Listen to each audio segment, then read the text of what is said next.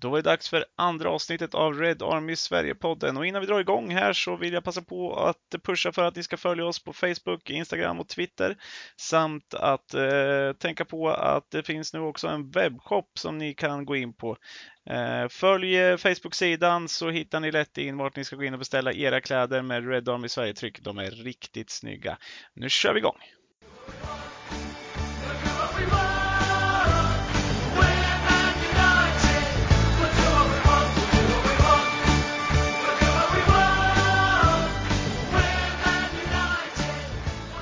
Då hälsar vi alla välkomna tillbaka till andra avsnittet utav Red Army Sverige-podden. Eh, vi har idag med oss samma gamla gentleman som var med oss förra gången från de sörmländska skogarna. Adam Stenberg, välkommen! Tack ska du ha, tack, tack, tack. Och så har vi våran, eh, som vi sa förra gången, eminenta ungdomsansvariga eh, Mikael Krekula. Välkommen tillbaka! Tack så mycket, kul att vara här. Och jag heter Jonas Andersson, men det hoppas jag ni kommer ihåg vid det här laget. Eh, vi tänkte väl prata lite om olika saker idag, eh, men vi ska börja vid punkten som vi nästan alltid kommer börja med och eh, de matcherna som har varit. Vi har ett, eh, ja, vi har en poäng med oss på två matcher nu mot Crystal Palace och Southampton. Eh, en 2-1 förlust mot Crystal Palace och ett kryss där mot eh, Southampton och eh, två insatser som ger mer att önska eller vad, vad, vad säger du Adam? Jag tycker det i alla fall. Ja men absolut. Eh, vi har ju två olika förfaranden i de här matcherna och vi ska börja med Palace och se en match där vi skapar väldigt få må klara målchanser. Vi har eh, Lingard som jag ändå tyckte skötte sig hyfsat mot Wolves i nummer 10-rollen och det funkar inget bra. Ehm, en annan sak från den matchen var ju, förutom all bedrövelse vi gick igenom, det var intressant att se hur, hur det tycktes vara så att mittbackarna, Lindelöf och Maguire, fick instruktioner om att spela from the back liksom och spela mycket chansbollar från Maguire ut mot Shaw. Lindelöf slog lite längre passningar längs marken som inte nådde rätt adress så vi tappade lite effekt på den där idén. Överlag var det ju var en pissmatch, det var det. Och Lingard hade en stor del i det offensiva. Han fick ju inte ut någonting den matchen. Nej, eh, jag såg, eh, såg ju matchen i efterhand och eh, vad jag kommer ihåg nu, eller rent krasst så vet vi att Lingard skapade en enda målchans på de första eh, matcherna där. Eh, första ja. tre matcherna i alla fall fram till Crystal Palace-matchen och eh, Ehm, att han eh, är helt ute och cyklar i den där matchen. Eh, kan jag säga. Alltså jag tycker han springer ju, springer gör han jämt och man kan aldrig säga att Lingard inte springer men i den matchen hittar han ju aldrig en yta som faktiskt hotar någonting hos Crystal Palace. Eh, I mitt tycke i alla fall. Nej, och det fanns ju en anledning till att han blev petad sedermera mot Southampton. Och det kan nog bli tufft för honom att komma in i de matcher, särskilt när vi ligger mot lågt försvarsspel. Då. Och ja, jag tycker överlag var det ju en risig insats. Eh, ingen i backlinjen funkar ju riktigt, riktigt bra om jag ska vara ärlig. Eh, det är väl AVB som får godkänt, även fast han hade mer att önska när Lindelöf missar den här nickduellen. Då både han och Maguire låg efter i positionsspelet. Men eh, överlag där då. om vi ska gå in på Southampton som jag tänker där skapar vi jävligt mycket chanser. Och eh, genom James då, som alla bekant såg, fick iväg många skott. Och det intressanta här var att Mata funkar bra. Men jag ser en liten frustration i att han fick kliva av. Han tappar ju lite i andra halvlek då, men han, han fixade fram dynamiken i spelet och var ju väldigt gynnsam för James. I att han fick många målchanser och även gjorde ett mål då. Mm. Uh, och, och, den matchen, den, den är liksom där har vi så jäkla mycket men ändå inte får in det. Så det är en annan sorts frustration. Men om man men jämför med att få upp, eh, jag tycker också Mata funkade bra i den matchen, men om man jämför med att få upp Pogba upp i, eh, i den rollen istället om man hade spelat högre upp. För jag tycker han hamnar fel i matchen som han har gjort i många av de andra matcherna. När han hamnar så där långt ner, speciellt mot ett lag där vi ska styra spelet. Ja men absolut. Um, det, håller jag, det håller jag med om. Han, han har ju någon slags defensiv mittfältsroll. Och Pogbas liksom svagheter är att han, han, är, han tar rätt stora risker i sitt spel. Han, han slår bort en del bollar, han dribblar på fel ställen. Liksom. Han, är en off, han har ett offensivt tänk och han är inte killen som kommer att glidtackla liksom i sista stund eller är noggrann i att täcka ytor. Så att det är klart, han, har man honom där då, då blir det ju liksom, då ska man ju ha ett risktagande spel och så. Det funkar inte riktigt på ett defensivt mittfält. Så att jag tycker det jag förstår ändå Ole varför han har honom där, för han har inte så många alternativ. Men det är ändå, ja, det är ändå lite märkligt för att han, han är ju en klassspelare liksom offensivt sett. Men han får inte riktigt utrymme för det. Nej. Så att det tycker jag är synd i de här matcherna så har han ju ändå Matic på bänken. Eh, det finns ju ändå något alternativ. Sen så saknas det, vi vet ju inte riktigt eh, hur det står till med Fred, men eh, sista rapporterna säger väl att han ska kunna vara tillbaka efter uppehållet i alla fall. Ja. Och, och då är vi en till tillbaka där och då, då ser jag inte att man inte kan testa i alla fall och spela Pogba om man nu vill spela sin 4-2-3-1 och inte spela Pogba upp i 10-rollen då. För att där kommer han ju oftast mer till rätt. Vi får ju ut mer utav honom. Han, han kommer närmare straffområdet och där vet man ju att det kan hända saker i alla fall. Han mm. har ju det där lilla eh, S i rockärmen som man brukar säga. Ja men precis, han bytte ändå in Matic mot SA-15. Så att ah, när, alltså när mittfältet inte funkade så att han såg, han kunde ändå se det även fast vi faktiskt snackade med varandra internt om att han skulle gjort det bytet tidigare. Redan och vad vi satt och diskuterade tillsammans. Men ja, det hände inte. Men såklart, man älskar inte Matic precis. Han har ju sina problem, men jag tänker ändå att Matic är en stabilare spelare att ha där. Han, ingen, han kommer inte slå bort och sprida massa bollar. Okej, okay, han kommer inte dribbla förbi tre stycken heller, men han kom, man vet ungefär vad man får ändå. Så att jag känner ändå att han skulle kunna göra någon slags nytta där. Och jag känner nu att United är så jävla hafsiga i varenda match. Det är, liksom, det är ingen kontroll på mittfältet någonstans. Så att, ja, man får lite väga upp vad man vill ha. Ja men det syns ju så tydligt i första halvlek. Varför kan vi inte se mer förebyggande åtgärder när vi ser att det inte stämmer? Alltså det här Matic-bytet skulle ju kommit till halvtid redan. Vi ser att ja. vi har ett hål på mittfältet. Vi ser att vi inte skapar, eller vi, vi ser att vi inte får in Pogba tillräckligt mycket i vårt eh, anfall. Ta upp honom tidigt. När han gör det när det redan är för sent när Westergaard har gjort mål. Det är ju det som är den största frustrationen med den här matchen. Att vi ser ju, vi som tittar mm. ser. Men, men Ole vågar ju inte ta det beslutet uppenbarligen. När det blir 1-1 då är det inte lika svårt att göra ett byte för då är alla frustrerade. Men om han gör ett byte i halvlek, ja då är han kanske, jag får ju känslan att han blir rädd för konsekvensen internt. Ja, om han byter ut någon. Men det funkade inte, även fast vi ledde. Det funkade inte. Det där gör mig jätteirriterad för det var, det var, verkligen tydligt att vi inte hade någon koll på mittfältet, även fast vi skapade lägen. Men det hade inte med att mittfältet var särskilt eh, bra, eh, McTominay Pogba. Det var ett jävla mm. hål i det mittfältet alltså. Ja, och C15 skapar jättemycket från det hålet också. Speciellt, ja. i, speciellt i början av matchen såg man det tydligt också. Ja, men de, det känns ju lite som att det kommer som en chock helt plötsligt att de spelar det här spelet. Eh, vi skrev ju en artikel där vet jag på att eh, han är ju, Hassenhüttel där är ju ifrån Kloppskolan. De är ju skolade på samma sätt. Det ska vara mm. hög press och det ska vara full press och man ska vinna boll så högt upp man bara kan. För då kan man skapa farliga målchanser. Och, och vi har egentligen bara tur att Southampton inte har kvaliteten och utnyttjar många av de här lägena. För de, de vinner boll 5-6 meter utanför våra straffområde några gånger och, och lyckas inte ens skapa en farlighet utav det. Mycket tack vare Wan-Bissaka och Lindelöf många gånger i första halvlek tycker jag som, som är följsamma och, och ändå avbryter. Men mm. eh, där någonstans måste man ju se att det inte funkar. Och många gånger tycker jag, nu har vi inte nämnt hans namn, men han blev ju utbytt sen och det var ett namn som vi nämnde internt också. Men Andreas Pereira såg jag inte ens under första halvlek. Eh, han var inblandad i målet var han absolut, men han, han, han klev in i banan hela tiden, men han hittade aldrig en yta att få boll i. Eh, och han var aldrig med på högerkanten, kändes det som heller. Jag vet, inte, jag vet inte ens om han var på plan. Han var mer osynlig än vad Lingard var mot Pallas. Det, det, om det ens är möjligt. Ja, men han gör så märkliga, märkliga laguttagningar ibland. Vi var ju inne på det innan, innan matchen också. Liksom direkt när de tar ut laget så har jag också varit inne på Twitter och skrivit det. Typ Lingard mot Pallas. Det är, det är uppenbart. Lågt försvar, Lingard funkar inte mot det. Hur ska vi lösa låga försvaret? Och så vidare. Det, det känns inte som att han ens tänker på de konsekvenserna utan han bara kör på. Och det är samma mot SA-15 nu. Liksom. Andreas Pereira, vad ska han göra? Det undrar alla innan matchen och liksom, det är samma frågetecken efter också. Så jag kan inte riktigt se hur han resonerar där. Nej men alltså jag kan känna med Pereira om han nu tycker att han gör ett gött jobb eller någonting och att han får ut mycket av hans inställning. Om det är det han grundar sig på. Det såg ju inte heller. Det blev ju varken hackat eller malet med honom på plan. Han skötte ju inte defensiven heller. Och han, han utökar ju inte vår kompetens offensivt.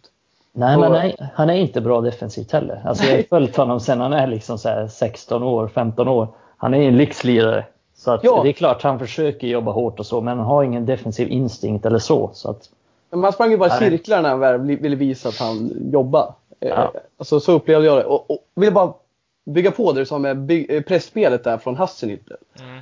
Det här är det mest fascinerande som blir definierat för matchen också. När vi kommer i en diger period av matchen då vi ska kunna ta tag i det här och faktiskt ta ledningen. Det är ju när de gör rött, får rött kort. Mm. Och då är det så här, i vilken match som helst skulle det vara gynnsamt att vi blir en man mer. Men i det här fallet blir vi ju som sämst i hela matchen. Eftersom att det innebär att de släpper den höga pressen. Börjar backa hem. Och börjar ta hem laget. Och det som var vägledande för oss i första halvlek, där vi hade dynamik med Mata, James, för att komma till avslut, det föll ju bort helt. Istället hade vi Matic som blev lite spelfördelare när Pogba klev upp. Vi har liksom inlägg, eller inspel ut mot högerkanten till Wan-Bissaka. Så liksom det blir lite handbollsspel och nej, det där röda kortet, det, det gjorde oss inte väl tyvärr. Nej, och så ja. gör han ju det här bytet då. För jag tror han ser det du säger att eh, när de väl får det röda kortet så hamnar vi i en situation där Pogba blir spelfördelare. Då gör han bytet, eh, jag tror det är McTominay som går ut va, och Greenwood in. Eh, mm. För att flytta ner Pogba lite igen. Tror jag, för att få honom som spelfördelare. Men då hade jag nästan hellre sett att vi hade tryckt upp, ja men, tryck upp Lindelöf eller någon då på, där eh, och spela med en trebackslinje så länge då. Vad, vad, ska vi göra? Vi måste ju försöka vinna den där matchen. Men oh. Greenwood ska ju in, det var inte det så, men det, känns ju som att han kanske skulle ha startat då, eller möjligtvis Lingard där istället för Pereira när vi får det här problemet. Sen byter vi ut Mata som är vår största kreatör i första halvlek. Exakt. Eh, och det blir ju det blir konstigt överlag. Jag tror att han ser det vi pratar om på något sätt, men också kan inte annars än att hålla med om att han eh, tror att han är feg alltså. Jag tror, ja. att han, eh, jag tror inte att han vågar.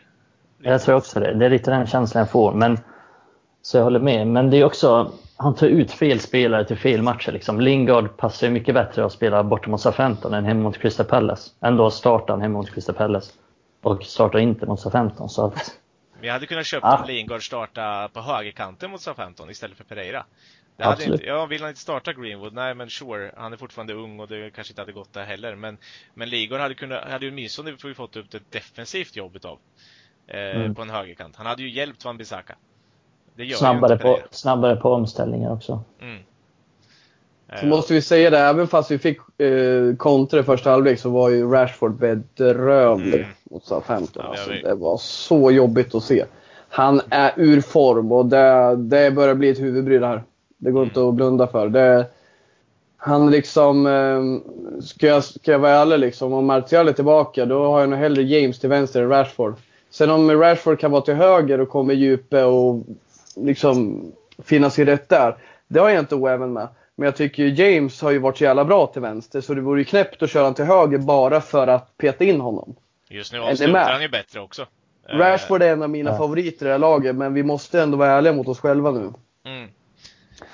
Det blir ja. svårt. Det blir svårt om vi pratar om att han är feg och tar bort Rashford från någon av striker eller vänsterpositionen. Men Måste jag hålla med dig. Alltså, så som James avslutar just nu också så uh, han träffar mål med alla sina skott. Alltså alla sina tre farliga skott träffar ja. mål.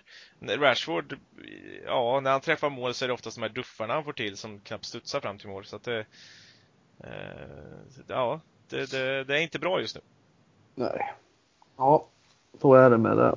Mm, så är det. Det, det. det, är sorgligt, men eh, det är ju den, det är den killen man vill ska lyckas kanske bäst av alla. Ja. Eh, men vi kanske ska gå in också på den situationen som är kanske mest omdiskuterad eh, rent i svenskt perspektiv. Att eh, i engelska medier så har ju Lindelöf fått extremt mycket skit för ja, både målet mot 1-0 målet för Pallas och kvitteringen här nu då mot Southampton. Det där jag kan tycka att Pallas målet är ju mer bedrövligt än, än Southampton målet. Just på grund av situationen i att det är fem spelare runt, runt Westergaard på, eh, och han är framför. Det finns ingen spelare av de andra som ens söker upp Westergaard lite. Där hade man nästan kunnat dubblat på honom till och med. Så att det blir mm. inte bara Lindelöf, även om det är bedrövligt av honom att förlora den nickduellen. Han måste kunna störa mer än man är mittback på den här nivån. Ja. Mm. Det är ändå snöboll som kommer in. Det är inte ett stenhårt inlägg som susar förbi honom. Nej, det är ju lite så. Eh, alltså, jag känner ju så här, spelar någon, alltså jag känner också, vad är frågan i den här diskussionen? Jo, är det om han gjorde fel eller inte? Eller handlar det om i längden, är han liksom eh, tillräckligt bra eller inte? Och liksom, jag tycker han är tillräckligt bra. Jag tycker han gör mycket fel i båda de här duellerna. Även fast det inte ska vara svart eller vitt. Det finns andra som gör fel också. Det finns ju lätt att ta försvar till den här killen då. Och det förstår vi ju. Han är ju svensk och vi ska... Han är, han är bra, han är United-spelare. Vi ska försvara honom också. Men jag kan tycka att jag, jag hade önskat mycket mer från honom där. Och jag tycker att det är väl självklart att han eller Maguire ska ta eh, Westgard, inte någon annan av de spelarna runt om. Mm. Eh, sen, sen, det, sen förstår jag med att om, om Lindelöf kallar in någon och spelar de inte gör det. Det är ju väldigt svårt att säga vem som gör fel. Mm. Men det mest intressanta i det här tycker jag, det är diskussionen om, ja vad fan han har ju problem i luftrummet. Mm. Och då spelar det roll om han, han gör fel eller inte han, han klarar ju inte av det alltid. Och det såg vi absolut mot Palace. Men det är ju lätt också om vi ser engelska medier. Mm. De har ju på sig, på sig ett par helt andra glasögon än oss. De, är helt, de tänker ju att alla exporter som inte bor i England kommer bedöma alla på samma sätt. Kanske gynna sina engelska spelare, kanske inte när de bedömer dem. Men en svensk, det kommer de bedöma som vilken som helst. Men i Sverige så bedömer han som svensk. Och därför börjar man ofta lätt titta runt om honom. Bara för att. Mm. Och jag förstår att folk vill skydda honom med det här. För det är inte alltid helt solklara tabbar. Men vi har ett problem här och det är att han inte klarar luftdueller. Och det är inte första gången och inte sista gången vi kommer se det heller. Men det blir ju straffbart på något sätt. Eh, det känns ju som att det blir, slänger de upp en av sina mittbackar på topp eller en lång forward eh, så, så, eh, och den bara söker upp Lindelöf. Den kan söka upp Lindelöf eller Wan-Bissaka. Han kommer slå dem på huvudet. Även om Wan-Bissaka är bra så, eh, så slår han ju inte de bästa huvudspelarna på huvudet. Så, så är det Nej. Nej, nej, det är så. Han är, han är vek. Vek i de duellerna, det är han. Det är inget snack om saken. Nej. Man vill ju ha ut man vill ju ha mer utav honom. Jag eh, vet ju att vi, vi, slängde ut en artikel här nu som jag tyckte var intressant om att få upp honom på en, på en, eh, ett, en ankarroll. Ja, på mittfältet ja. Mm. Ja, det, det, hade ju varit spännande om någonting. Men det hör väl inte till att prata om de här matcherna och Crystal Palace Southampton i och för sig. Eh, men, men, jag tänker också, alltså jag vet att du sa Adam i förra avsnittet där att eh, Eh, att, du, att det här skulle vara egentligen två lätta matcher, att du inte var orolig överhuvudtaget. ja, det... Det, kän, det... känns som att du fick äta upp det på en rejäl Den har inte åldrats väl, den analysen. Det har den inte gjort. Nej. Bra analys Adam, bra. Ja, men det är som vanligt. Det pendlar mellan banken och börsen. Det går upp och ner liksom. Nej, men det här var ju, det var en missräkning helt klart. Sen eh, vinner vi de här matcherna vi inte klarar av eh, från början. Vi ser att vi vinner mot eh, några lag som är bättre än oss. För att vi kan mm. kontra sönder dem. Det är ju de här matcherna vi har svårt i. Och, mm. Ja, det, det är det som är tråkigt. Vi får ojämna. Ja, det är väl som förra säsongen. Det är ju samma, samma tema liksom. Vinner på Emirates och sen förlorar vi hemma mot Cardiff. ja. Ja. Det känns, det känns som vi kan stänga de här eh, diskussionerna om de här två matcherna med att, uh, tack. med att egentligen bara, bara släppa det. Eh, vi får ta med oss en poäng, vi får ta med oss att eh, det finns saker att jobba på. Jag tycker ändå att man kan ta med sig att det är roligt att se Daniel James eh, spela fotboll. Eh. Att vi, våran billigaste värvning i år är kanske den som eh, överraskar mest. även om, ja, nej, mm. Van Bissaka har varit riktigt jävla bra. Eh, det går Absolut. inte att säga eh, nej, Fan, blev det bara en poäng alltså de här två matcherna? Ja, det blev det. ja. Helvete. Ja, det är sjukt. Ja, det, nej, vi släpper det. det, vi släpper det. Vi släpper det. det ja. Men vi släpper den nu, vi går vidare Tack. och eh, tar oss eh, till framtiden istället då. Det är ett uppehåll nu med Ja, United har fortfarande ganska mycket landslagsspelare ute på, eh, på uppdrag men efter det så väntar ju Leicester hemma den 14 september. West Ham bort borta den 22 september och emellan där ska vi spela Europa League också mot Astana, men det kommer vi till lite senare. Eh, och eh, även under september då så har vi Rochdale eller Rockdale eller vad man säger i eh, ligacupen. Men jag tänker vi fokuserar på Premier League-matcherna. Leicester, West Ham. Spontant två svårare matcher än de vi precis har pratat om, eller vad, vad säger du Mikael? Mm, det, det är det ju. Det kanske inte behöver vara något negativt. Men, men jag är ändå väldigt orolig för dem, det måste jag säga. Leicester hemma känns det som att den inte alls passar oss bra. För det, där kommer vi vara spelförande och Leicester kommer få kontra precis som de vill. Och jag har inte så stora förhoppningar om att det kommer se annorlunda ut heller. Det är liksom, om vi, nej, nu ska jag bara dra en kort parallell till Crystal Palace. Då, liksom, då visste vi hur det skulle se ut. De skulle backa hem och United skulle vara spelförande och inte skapa särskilt mycket. Och Palace skulle få sina få kontringar.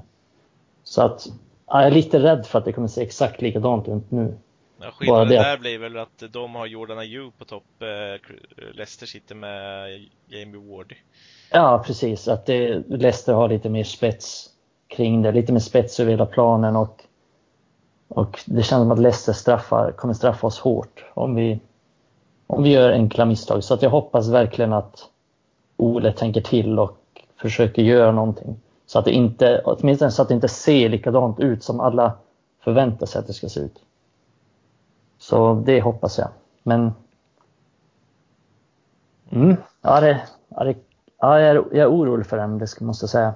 Mm. Ja, det är ett Leicester som eh, är omställningsstarkt men också bra med bollen på väldigt många håll. Eh, jag, jag har sett ett par matcher med dem nu eh, i upptakten här och Madison kan ju verkligen hantera en boll.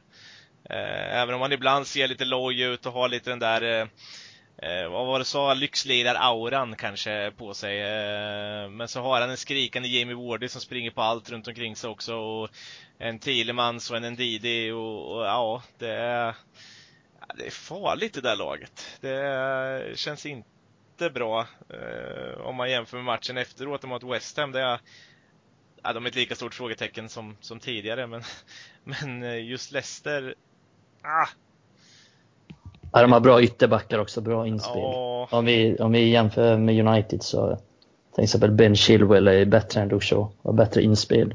Farligare liksom vad gäller assist och mål och så. Leicester har ju blivit lite mer, lite mer bollkära under Brendan Rodgers. Jag kollade upp lite statistik. De har ju haft ett bra bollinnehav den här säsongen. Och mm. Jag tror ändå det finns, det finns, den har den här omställningsfotbollen som de är jävligt vassa på. Där har de ju varit på topp. Eh, men jag, jag lite, så får ändå lite känsla att vi kan få lite tillfällen till att ställa om. Lite som med Wolves. De, de kan både backa hem och de kan hålla i boll. Så det känns, jag, jag är lite optimistisk även fast jag är livrädd för Wardy och absolut Madison som ni nämner. Alltså Madison med det här hålet var i mittfältet. Vi måste ju stävja det med att ta in en till mittfältet känner jag. jag. Jag skulle vilja in om det så är Matic eller vem det nu är. Det blir ju Matic då om vi ska ha ett ankare. Jag vill ha in tre på mitten och jag vill säkra upp där. Uh, och, och, och, som du säger, Madison, det är ju den vi ska få bort. Eh, uh, Vardy, ja, det är klart, han är ju jävligt bra, men jag tror just att få bort Madison, ha en kamp med Thielemans på mitten för McTominay, ja det är väl där det kommer hända. Mm. Uh, jag blir förvånad, men det är väl att Rodgers har ju haft den filosofin sedan tidigare och det har blivit mycket mer mycket mer bollkär än man är van vid Leicester. Så eh, det blir spännande att se om vi kan göra någonting med det. Och sen vi sagt tidigare, det är klart det är dags att ta upp Pogba på eh, nummer, heter det? 10-rollen. Ja, nummer 10-roll precis. Och eh, kanske inte bara för att han är bra offensivt, men också för att vi får lite tajtare defensivt. Mm. Det är alternativt att vi har McTominay Pogba framför, McTominay i deras gamla roll och sen bak med Matic som ankare som vi körde i våren. Jag är inte oäven med det. Hur känner ni där på formationen på mittfältet till den matchen? Ja, problemet tror jag blir eh, överlag som du säger att eh, visst, de har blivit bättre rent bollinnehavsmässigt, men jag tror att Rodgers kör sin läxa och ser att ja, men fan, vi släpper fram United. Vi har kontringsstarkt lag också. Eh, mm. och som du säger då, det enda sättet egentligen vi kan stävja det där på, det är ju att eh, få bort hålet mellan eh, försvar och mittfält och då måste vi ha in tankar. Jag vill också se en, den gamla uppställningen, eller vad vi nu får säga. Eh, 4-1, 2-3 eller vad det nu blir. Eh, mer liknande eh, med, med, mm. med ett ankare. Sen vem som blir på ankarrollen, ja, det blir väl Matic i nuläget. Jag tror inte Fred är klar än och, och, och spela där än så länge. Nej. Nej, Fred, Fred är ju fortfarande lite för, för hafsig också i sitt spel. Lite, lider lite av Pogba syndromet att han kan tappa boll lite när som helst. Plötsligt mm. dribblar han och blir av med den. Och...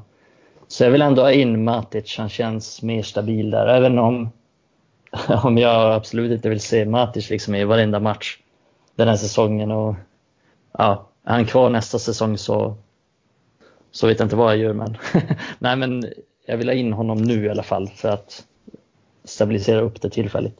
Jag håller med dig Mik. Det handlar ju om att släcka bränder just nu. Alltså, det, och så ja. handlar alltid diskussionen om. Man säger, ja hur vill du göra? Nej men jag vill Matic. Ja men Matic är sämst. Ja men Alltså vi måste göra någonting nu. Vi måste göra någon förändring. Och vi har vad vi har att spela med. Transferfönstret är stängt. Det här är truppen vi har att leka med. Det är fascinerande hur man liksom eh, hur man värderar där. För jag håller mm. med Jag ser ingen framtid för Matic på lång sikt. Det verkar ju som att han vill bort från klubben med av det man har hört. Men men, men rent taktiskt, ja, då kan man ju säga ja men vi ska ha McTominay som ankare. Men vänta nu, McTominay. Fattar ni vad ett ankare ska göra? Det handlar om positionsspel, det handlar om beslutsamhet. Alltså McTominay är en jättebra lirare och han, han, kan gå, han kan gå in i dueller och grejer men även fast han inte är lika hafsig som Fred eller som Pogba så är han ju, han är ju långt ifrån den, eh, den erfarenheten som Matic har för att veta hur man är städgumma på mittfältet. Mm. Är ni med? Så jag vill bara ju, bygga på det. Han kan ju fylla Herreras skor, McTominay, men som du säger själv, det, det, handlar ju mer än om att bara springa på, på ett defensivt ankare. Eh, där måste du ju veta hur du ska placera dig i, i, jämnt med backarna och ja, det, det, det, är så mycket där som du bör kunna. Eh, som, som han inte har, men som Matic har haft alltid och kommer nog ha kvar även om han inte kan springa lika bra längre. Men förstå mig rätt, en riktigt bra ankare, den springer ju väldigt lite. Mm. Den förflyttar sig rätt och sen hugger den direkt när det är dags. Mm. Den ligger inte i ryggen på spelaren, den ligger inte 10 meter från spelaren. Men den hugger när det är dags och den sätter igång spelet. När man ser en Daily Blind under Louis van Gaal eller en McTominay under Solskjaer så springer överallt. Eller mm. Fred som du sa. Som in, alltså, då, då, då märker man, man ser det. Det är jävligt lätt visuellt att göra analysen att de inte klarar av rollen. För de rör sig för mycket. De är för tröga. De kompenserar sin spelintelligens med att röra sig väldigt mycket. Och mm. vara väldigt hafsiga. Bra uttryck Mikael tycker jag. Tack så mycket. Mm. Om du tog fasta på det. det får man ändå ge det. Det sprider. Eh, ja. Eh, nej men, men, men det, det, finns ju det, det, finns ju fortfarande det här i Matic som säger att man behöver inte röra sig så mycket som defensivt mittfältare som ankare. Du ska inte röra dig så mycket, men det han saknar nu är ju att ens kunna utföra den där attacken du pratar om. Att när, ja. här hugger jag. Där, ja. här, det här att här behöver jag ta tre snabba kliv till vänster för att stå rätt. Det finns inte riktigt där längre.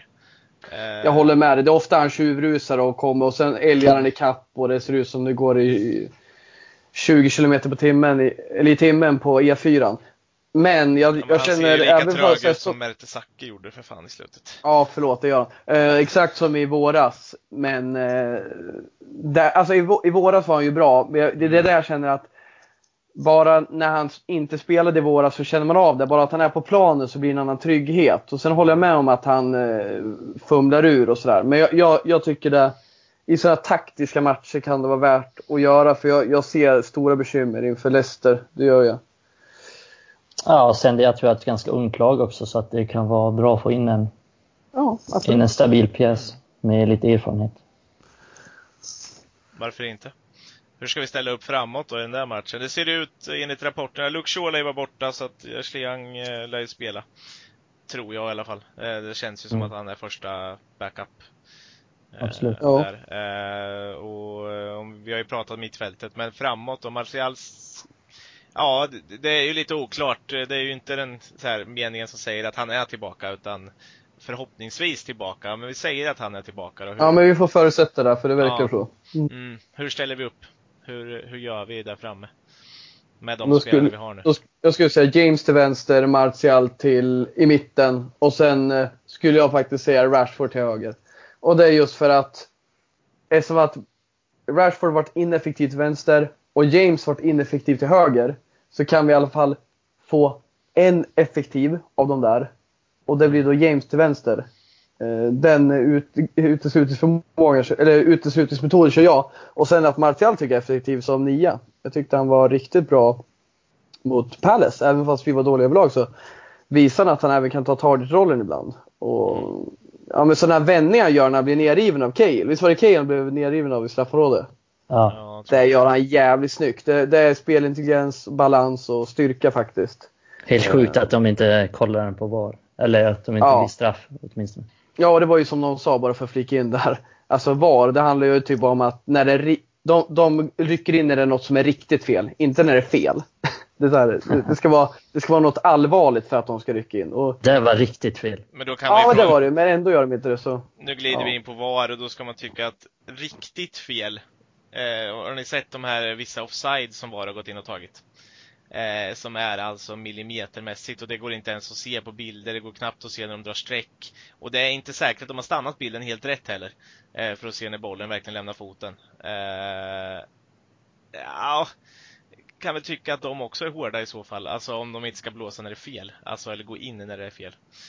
Mm. utan bara riktigt fel. Det blir ju, ja, de har lite att jobba på när det gäller den där biten kan jag tycka. Ja, vi kan vara överens om att det inte är konsekvent VAR hanterat. Nej, så är det. Nej, Ja. precis. Eh, men jag tänker på en Rashford till höger. Vi pratade om det förut. Greenwood. Har vi någon tanke överhuvudtaget där eller vad? Ja, jag vet inte om jag tycker att det är rätt match för honom. Nej. Det kan... Det känns ändå tufft att starta en sån här match. Det är ganska mycket press på United och det är en svår match och... Ja. Jag är tveksam, men jag skulle inte direkt... Jag skulle inte bli lack om man startar, tvärtom. Det skulle vara jävligt kul. Men eh, just nu så känner jag att det får nog bli James, Rashford på varsin kant. Och sen vilken kant de spelar på, det vet jag inte riktigt. Det är ju som Adam säger att James har ju egentligen, egentligen bara varit bra på vänsterkanten. Han har, han har ju varit okej på högerkanten, gjort sitt jobb liksom. Det är på vänsterkanten han har producerat. Mm. Och Rashford har ju en historik av att inte vara särskilt bra på högerkanten heller. Det är samma gamla problem, United har ingen bra på högerkanten. Men ja, som det ser ut just nu så sätter jag nog upp Pogba offensivt mittfält. Tar James på vänsterkanten, Rashford höger. Och sen Martial på topp. Och sen det som är bra är att man kan ju, man kan ju byta under matchen liksom och spela James på högerkanten i en kvart. Och Mm. flytta över Rashford. Om det inte funkar så att det är ingen, ingen skada skedd på så sätt. Så att ja, så känner jag. Mm. Mm. Ja, nej, alltså. Ska vi ställa upp på de tre bästa så är det väl de där tre som jag tycker Adam räknar upp. Och då, ja, jag har svårt att se att Rashford hamnar på högerkanten. Men, Mm. Nej, jag tror inte heller det. Eh, men jag håller med dig Adam när du säger det. Eh, det, det. Martial tycker jag övertygar mer och mer som anfallare. Han, det man får med honom istället för Lukaku är ju faktiskt en spelare som kan ta emot bollen och hålla fast den. Mhm. Eh, och sen spela vidare bollen. Vadå, menar du att Lukaku hade dålig touch? Eller vad? Ja. Ja. Eller jag vet inte, vad väl i... Han har väl inte lyckats riktigt med den touchen eh, i Serie A heller, även om han har gjort mål. Jaha, Men mål okej. kommer han alltid göra. Ja. Eh, Men en touch kommer man aldrig få rätt. Nej, det, det är svårt att ta emot eh, bollar med, med stängt knä, så att säga. Eh, eller med två knän till fötter, jag vet inte vad man ska kalla det. Men höjden med Lukaku, när vi ändå är inne på det, det är väl ändå när han promotar sig själv med ett mål han gör på uppvärmningen på en träning. Han börjar Eh. spåra ur där. Och hans, hur snabb han var. självkänslan är enormt låg alltså. Ja. Ja. Ja, vi tackar för hans tid liksom. Ja, det, det är lite synd. Men ja, nej men jag, men jag egentligen vill jag säga det därför hylla Martial. Det enda jag saknar, och det har jag sagt förut vet jag till eh, framförallt internt, är att han behöver den där lilla killerinstinkten. Jag tror vi pratade Mm. om det efter matchen mot, eh, eh, Wolves va? För det var något inlägg där Rashford drog in och han, hade det varit en riktig kille där så hade han fläkt sig fram och fått en tå på den där men, men, eh, men han gör det inte för han tror inte på det och är inte där. Men jag tror får han fortsätta spela nummer nio så kommer det komma.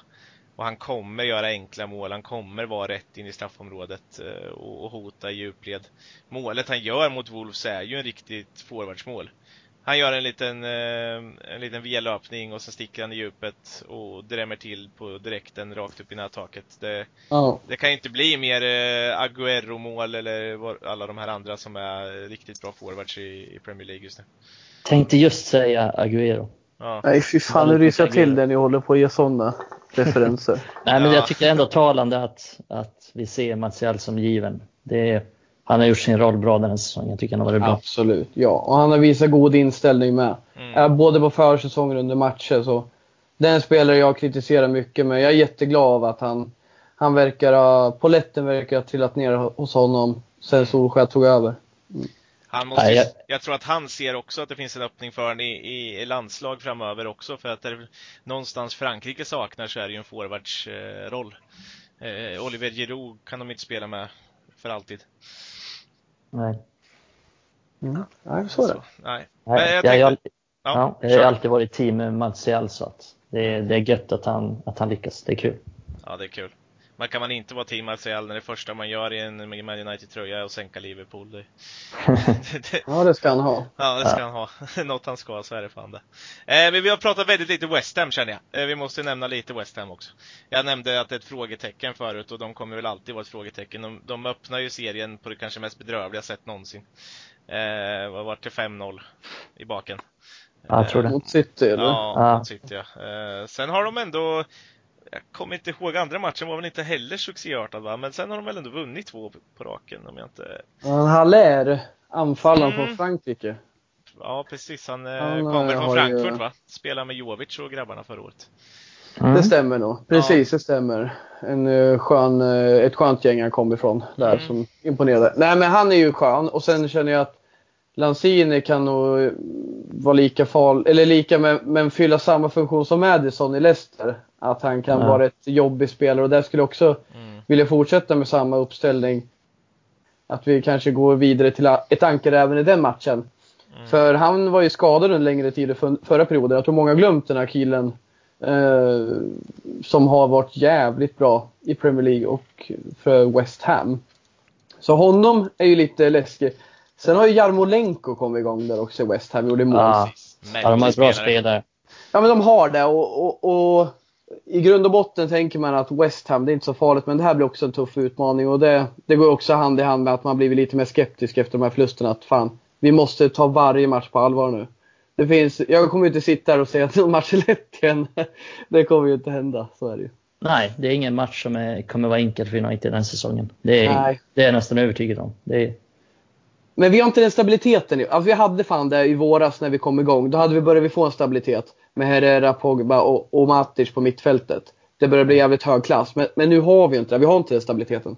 Vi har jävligt höga toppar tror jag den här säsongen. Mm. Vi kommer se jävligt bra insatser. Vi kommer se jävligt djupa dalar. Och det gäller ju att liksom jämna ut det här någonstans. Så, ja, då börjar det med att vinna mot West Ham borta. Då, då är, det är ju en bra match att vinna. Uh. Mm.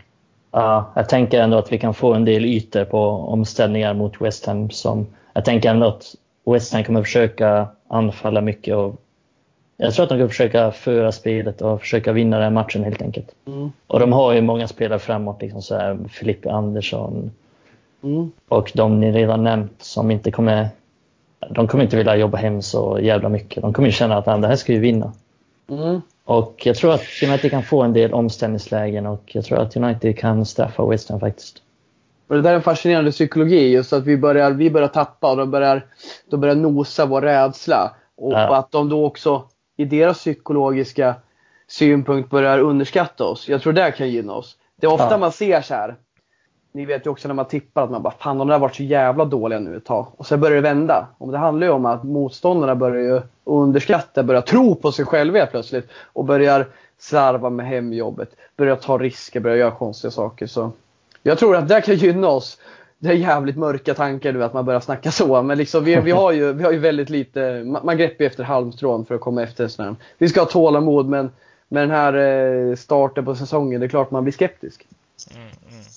Ja, man, måste, man måste vara lite skeptisk. Jag, jag gjorde en snabb googling bara för att se vad som gick in och ut på, i West Ham. Ändå... En snabb googling? Ja, ja, en snabb googling här. Alltså de har ju blivit av med rätt spelare. Jag måste ändå säga det. Alltså Arnautovic ut, eh, visst en målgörare, men det är väl aldrig någon som är, alltså det är ju lite som att ha Balotelli i laget, tror jag. Avdelning bad eggs. Ja, precis. Eh, Andy Carroll har väl inte gjort någon glad de sista åren. Jag är väl mer glad av att sitta på läktaren i Newcastle i så fall, för de fansen älskar väl honom fortfarande, antar jag. Eh, ja, det är bra. Ja, det är sant. och, och, och Chicharito Hernandez om man ska prata gamla United-profiler, gör väl ingen glad. Han gjorde ju något mål nu i början innan han lämnade. Eh, men eh, blev väl klar för Valencia va? Om jag inte minns fel. Eller var det Sevilla han gick till? Sevilla jag. Sevilla var det ja, kanske. Det var ju bara någon dag sedan va? Ja, mm. Precis. I förrgår eller någonting. Jag tror det var Deadline Day eller något sånt. Ja, ja. precis. Eh, så. Och så har man ändå värvat in, man har ändå fått in vi pratar om Aller eh, Pablo Fornals, tycker jag är en, eh, om man uttalar så från, eh, vet du det, eh, gula laget i Spanien. Woho! Villarreal. Villarreal, just det. Eh, och... Eh, Ubåtarna. Ja, precis. Ja. Eh, där där Ja. satt det bra när jag säger det gula laget i Spanien. Det, det, då, då låter jag bra. Eh, och sen Ajeti som jag har sett i Schweiz ett par gånger mot, eh, mot Sverige framförallt och lite sådär. Han spelat väldigt mycket landslag. Såg han i Basel i Champions League något år också. Han såg ganska spännande ut. Han hoppade in sist där. Eh, ja, jag, jag tycker att de har gjort rätt. Alltså Fornals och Allaire är ju två bra spelare. Mm. Allaire gjorde det ju bra förra året. Sen spelade han ihop med Jovic och, och, och Rebic och gjorde, lyckades ändå göra ganska mycket mål. Eh, trots att Jovic gjorde mål på allt. Han har jävligt bra facit i alla klubbar han varit Mm. i. Så Ja. det där är en spelare jag tror på mycket den här säsongen och vi får Ja. försöka stoppa honom. Mm. Ja. Och Jarmolenko är typ som ett nyförvärv för, för dem. Han var ju skadad Sant. i princip hela förra säsongen. Mm. Och han har inte hunnit ge sig riktigt rättvisa i Premier League men han tror jag också det är en Nej. riktig poängspelare. Det, Han är- han det kommer han bli. Ja. Yes, yes. De släppte Nasri också kan vi väl ändå Smuts. kan vi väl ändå nämna. Smuts! ja. Ska vi inte låta sådär Adam. Vilket tapp! Ja, vilket tapp. Eh, nej, men eh, det, det är ju fortfarande ett lag sådär som jag tycker ser spännande ut varje år, men eh, eh, de kommer ju inte komma mer än 10 skulle jag gissa på i vilket fall. Eh, de får ju aldrig ihop det i långa loppet, även om jag tror att det ser bättre ut i år än vad det gjort de andra år. Ja, de blir nog kring 10 skulle jag Ja. tippa. Och vi kan få problem med dem. Men eh, lite som Adam säger, West Ham borta. Kan vi vinna den så kan vi få fart på grejer.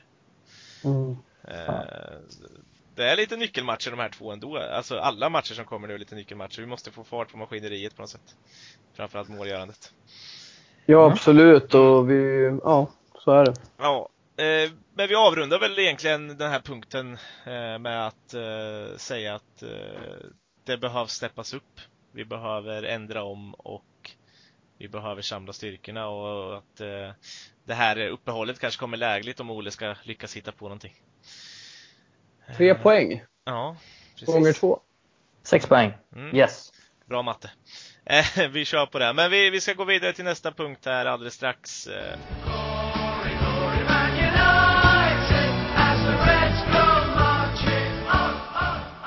Och nästa punkt vi skulle prata om här då, det var ju eh, Europa League-gruppspelet som kommer. Eh, vi är ju tyvärr inte med i Champions League i år utan vi får tampas med resterande europeiska lag i Europa League eh, i år då. Sist vi var med så, så vann vi väl, om jag inte minns fel. Stämmer inte det?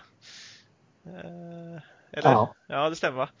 nu, Ja, är det mitt, är det mitt minne som eh, bedrar mig lite här. Men, eh, och eh, i år lottades vi i eh, grupp L, eh, sista gruppen. Eh, med eh, holländska AZ Alkmaar.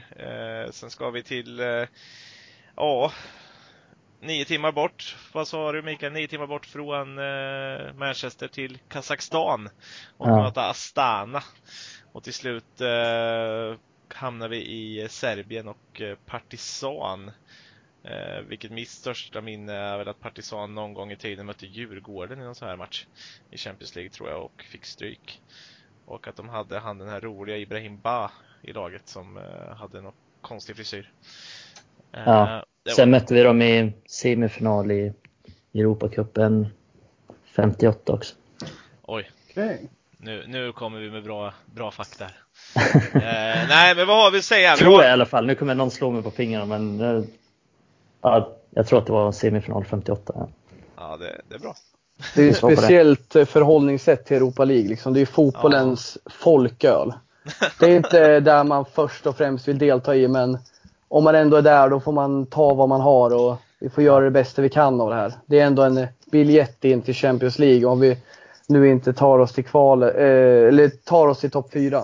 Mm. Och, Och, Astana är först ut.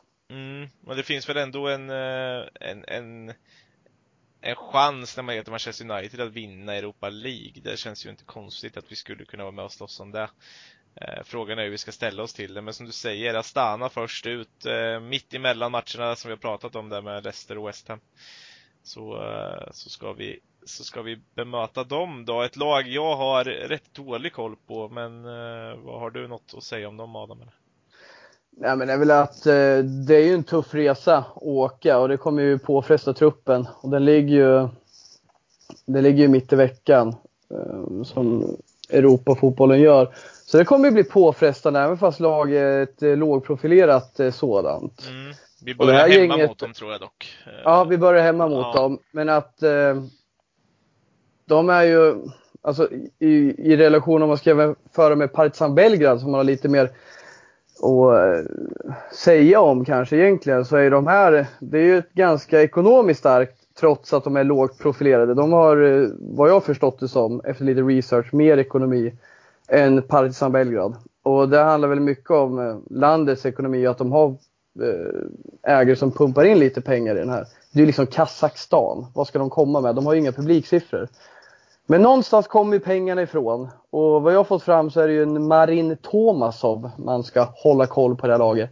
Som har hållit i majoriteten av poängskörden i klubben denna säsong. Och de har ju hållit igång ända sedan i våras.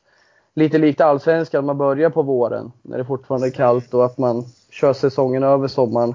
Ett litet uppehåll och sen fortsätter på hösten. Mm. Så eh, det är klart, det här ska vi vinna. Men eh, de har hållit igång länge. Och, eh, så det är inget, det är inte helt, helt enkelt om man ska se det så.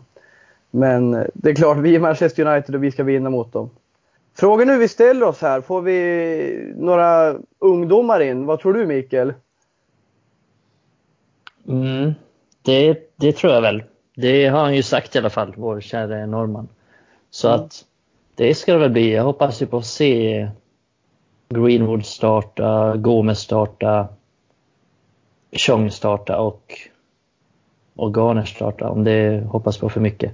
Nej men i alla fall att två, tre av dem startar i alla fall. Och att helst, helst de fyra får speltid. Sen hade det varit kul att se Brandon Williams spela också på vänsterbacken med tanke på att Luke Shaw är skadad. Och, ah, kan man ju passa på att vila Ashley Young också. Det vore ju inte jättebra om han också gick sönder så. Mm. Och Marcus Rojo vill jag inte se spela. Enda matchen jag vill se honom spela den säsongen är Astana borta. Då får han gå dit och kriga lite så. Mm. Då kan vi skicka dit lite, lite reserver. Nej men så, ja men jag hoppas att, att några får speltid. Det vore kul att se, se Greenwood få en riktig start liksom och, Mm.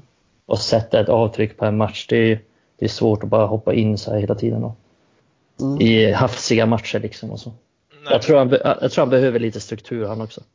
Ja, men ändå, alltså är det inte sådana här matcher de ska kunna spela på något sätt. Eh, eh, dels få lite Europa-trygghet i sig någonstans. Eh, det är ett FC Astana på hemmaplan. Det känns ju ändå som att, nu har han varit ute på Old Trafford. Eh, även om du, som du säger, att han behöver trygghet så tror jag att det är en sån match som Greenwood ska starta. Jag tycker- Absolut, absolut. tycker 100% ska han göra det. Tycker ändå att Chong och de här också ska få spela i de här matcherna. Ja. Och Gomes också. Eh, ja, alltså jag, jag gjorde, när du sa Tomasov där så tyckte jag kände igen honom. Han är ju kroat och, och därför jag kände igen honom. Men eh, så ser jag något annat roligt. Alltså de spelar alltså med en svensk bekanting i Runar Mar Sigurjonsson som för tre år sedan spelade i GIF Sundsvall. Så att, ehm, Här har vi en koppling. Mm, precis. Fyra mål och, och på sju matcher har han gjort nu, Sigurd Jonsson, och är en av deras bästa poängtagare. Eh, eh, ja, eh, så att det, det känns ju som ett lag utan att säga för mycket. Man vet alltid att det kanske skrällar i sådana här matcher, men där vi ska kunna lufta trupp framförallt med våra ungdomar. En Diogo Dalot ska också få spela en sån här match. Eh, och, och även växla in andra spelare. Jag tycker Toan Sebe ska spela. Eh, Absolut, det ska han. eh, Jag, jag känner att Garner, Chong, Tuansebe, Gomes och Greenwood, de som är upcoming, de ska ju ha en självskriven plats i truppen. Så jag tycker jag som Tuansebe, Gomes, Greenwood kommer ju starta, det tror jag vi alla är överens om. Men Tuansebe och Gomes, att de verkligen får spela för de är redo. Och visst, Alkmaar det är inget eh, chipsgäng så, men Nej. där ska de fan ändå kunna ta en plats med några rutinerade spelare som är vana vid Europa, eh, Europafotbollen. Mm. Eh, och gör vi inte det, men då fallerar ju Solskjärs idé om att spela ungdomarna. Får de inte spela i Premier League, men då, då måste de ju få spela i kupperna. Mm. Ja, och det har han ju sagt att de ska göra också, men som sagt, man vet ju aldrig, han har sagt mycket förut också, men ja, jag, tror definitivt att Greenwood får starta i alla fall, sen, sen får vi se. Mm. John Sebe borde också få starta. Ja. Alkmaar är ju lite intressant. Mm. Sergio Romero vann ju holländska ligan med dem 2009. Och den är en sån man inte tänker på riktigt. Var det innan han gick Romero Italien? som- eller? Det var det. Det var ju tio år sedan. Romero var väl i Italien efter, innan han kom till United. Mm. Han var i Sampdoria vet jag. Ja, precis. Ja. Exakt. Jag tror att han kan vara utlånad från något italienskt lag också till Alkmaar. Okej. Ja. ja, jag vet inte, jag har inte kollat upp det här så att jag sitter bara och killgissar, men det kan vara så. Det är inte illa heller. Nej, jag, brukar, jag brukar vara bra på det faktiskt. Nej, men jag har för mig det. Ja, men Alkmaar känns ju som de som, de kan bli, de kan bli tuffa. Det är inte helt lätt. Även fast alla i relation till Premier League-motstånd ska vara lätta. Men Europafotbollen är speciell och jag känner ju att det här blir en perfekt tillfälle för oss att få fram våra ungdomar i en långsiktig ta- eh, strategi då vi ska bygga nytt. Och får de inte göra det här kommer vi bli jävligt besviken för som bekant är ju våra ungdomar, våra e- egna produkter, det som är den största behållningen med den här klubben. Framförallt i tuffa tider då man har mycket att önska. Man letar efter något att glädjas över och våra ungdomar blir man alltid glad för när de får chansen. Särskilt när de gör bra ifrån sig. Mm. Ja, men jag känner ändå liksom att Alkmaar, fan är de så jävla bra egentligen? Jag, jag, tänker, jag tänker ofta på att folk överskattar den holländska ligan så mycket. Mm. De kom ju liksom fyra i holländska ligan och i kvalet till, de kvalet till Europa League spelade de, spelade 0-0 hemma mot Häcken. De vann i förlängning mot Royal Antwerp från Belgien. Liksom som att Royal Antwerp är ett gammalt klassiskt eh, vad ska man säga, vänklubb med Man United. Ja, precis. Som, eh, de har ofta varit i andra divisionen i Belgien och så. Men, men så det är inga, ah, det är inget skrämmande lag. Liksom. Nej. Men man har ju Men- på sig. Europa League-glasögon Ja, när man tittar på det här, vad vi har. Att man, Absolut, man känner igen dem och så vidare. Och de, är, de har liksom spelat i Europa förut. Så att, men Ja men framförallt att vi har, vi har liksom att vi, vi spelar Europa League, vi kommer lufta. Och, Mm. och ur den synpunkten blir det inte helt lätt. Men om Nej, vi ska men- vårt bästa lag, då ska de inte ha en chans. Men vi kommer Nej. ju inte göra spela vårt bästa lag, tänker jag. nej, nej, nej, men det har du rätt i. Absolut. Men, och sen är det ju, man, som vi var inne på också, att man kan ju inte helt lita på United. Den som är det bästa laget. Så att, ja, jag, jag är mer inne bara på att det är inga bra lag det här. Så att Nej. Det ska ju bara- bara bli vinst. Liksom. Men, men sen är det inte alltid så. Ja. Man ska alltid höja, alltså holländska lag brukar kunna ändå ha ganska frejdig offensiv. Mm. Alltså eh, överlag så. Sen är de ju kan ju ha att göra med att eh, holländska ligan är väldigt känd för att ha en ganska dålig defensiv överlag. Eh, det är ju Ja. inte, det är inte supermånga backar som slår igenom i, i, i holländska ligan. Nu gjorde ju i Mattis de Ligt ett undantag till exempel. Men, Ja, eh, dock, dock börjat dåligt i Juventus. Men Ja, ja, jag absolut. förstår din poäng. Ja, precis. Absolut.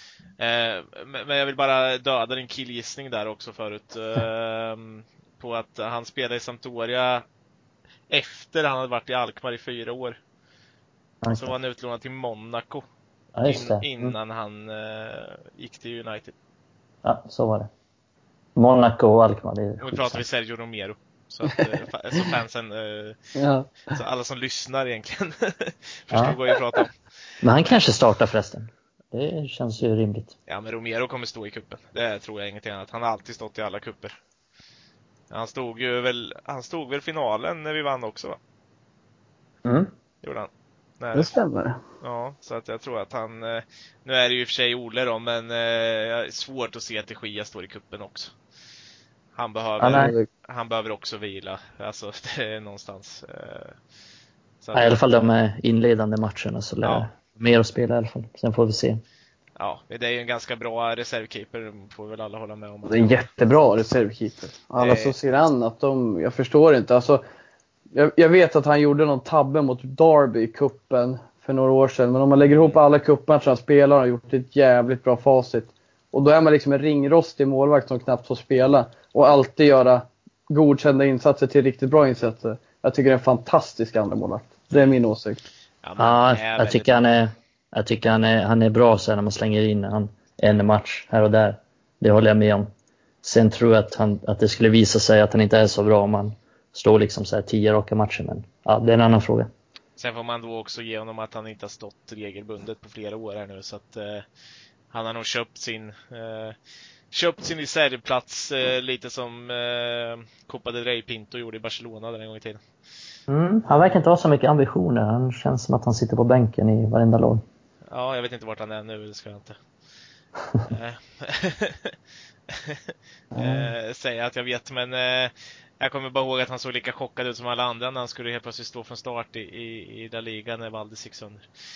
Men Romero eh, ja, stabil.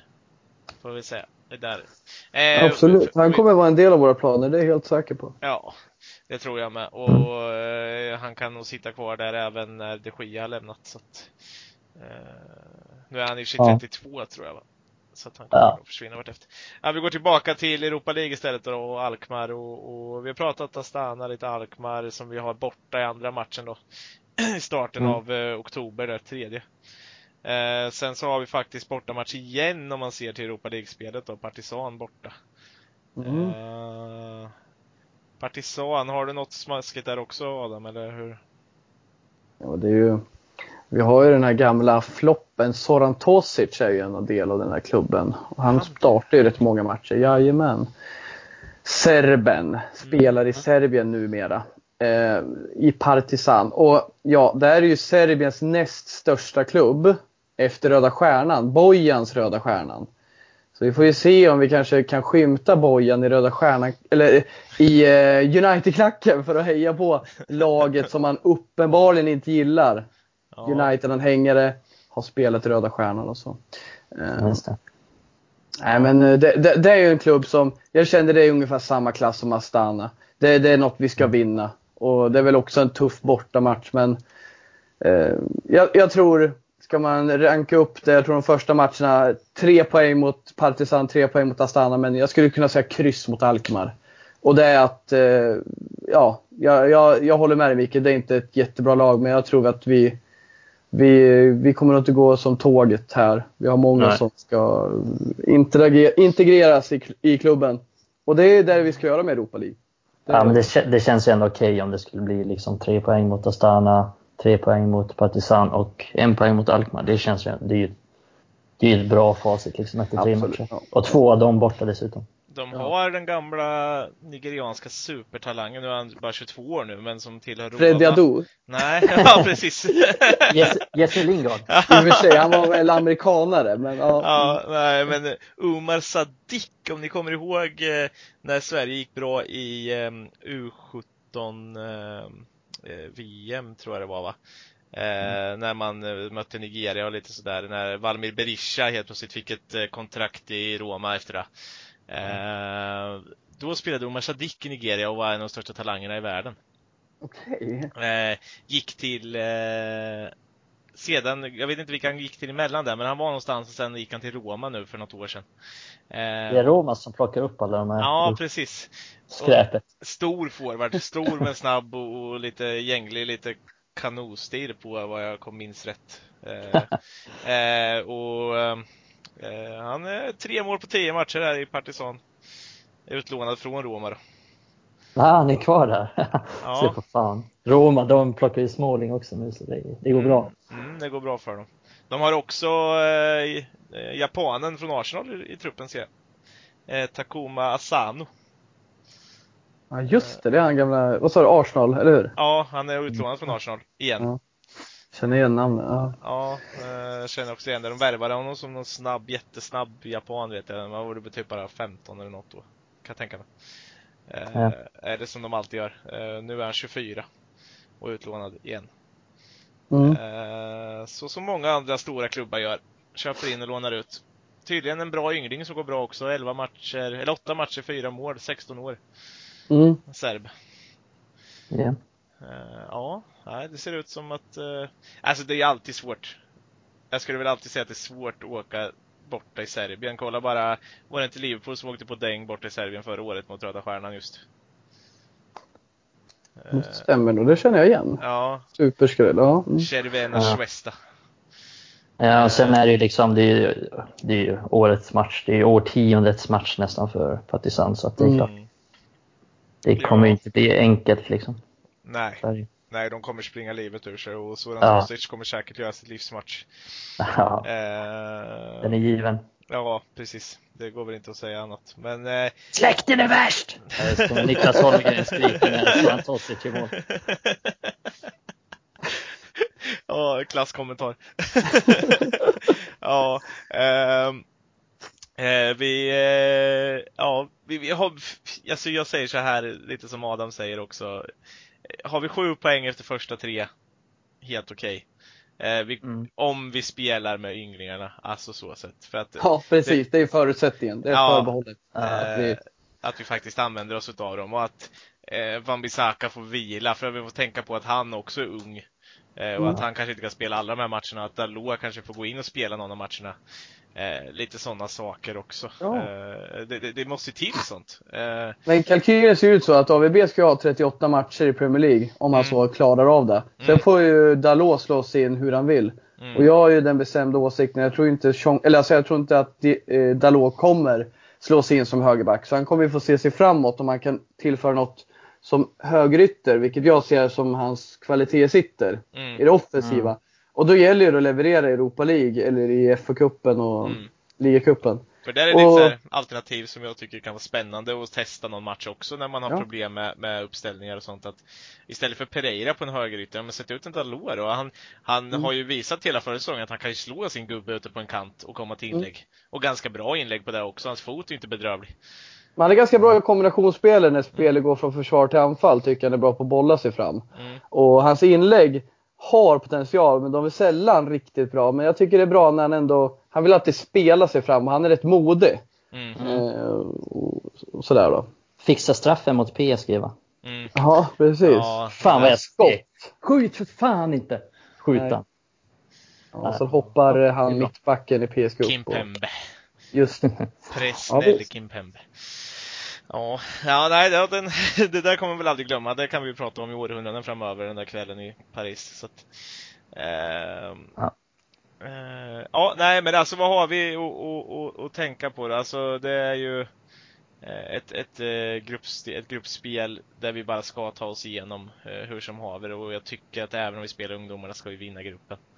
Eh, Jag ser inte, ser inte någon av de här eh, lagen som ett lag som ska kunna slå oss i två matcher, om man säger. Eh, vi kanske får problem någon match och det blir ett kryss. Eh, men även om vi inte går bra, även om vi inte har det starkaste laget eh, med United någonsin har skådat så, så ska väl det här funka.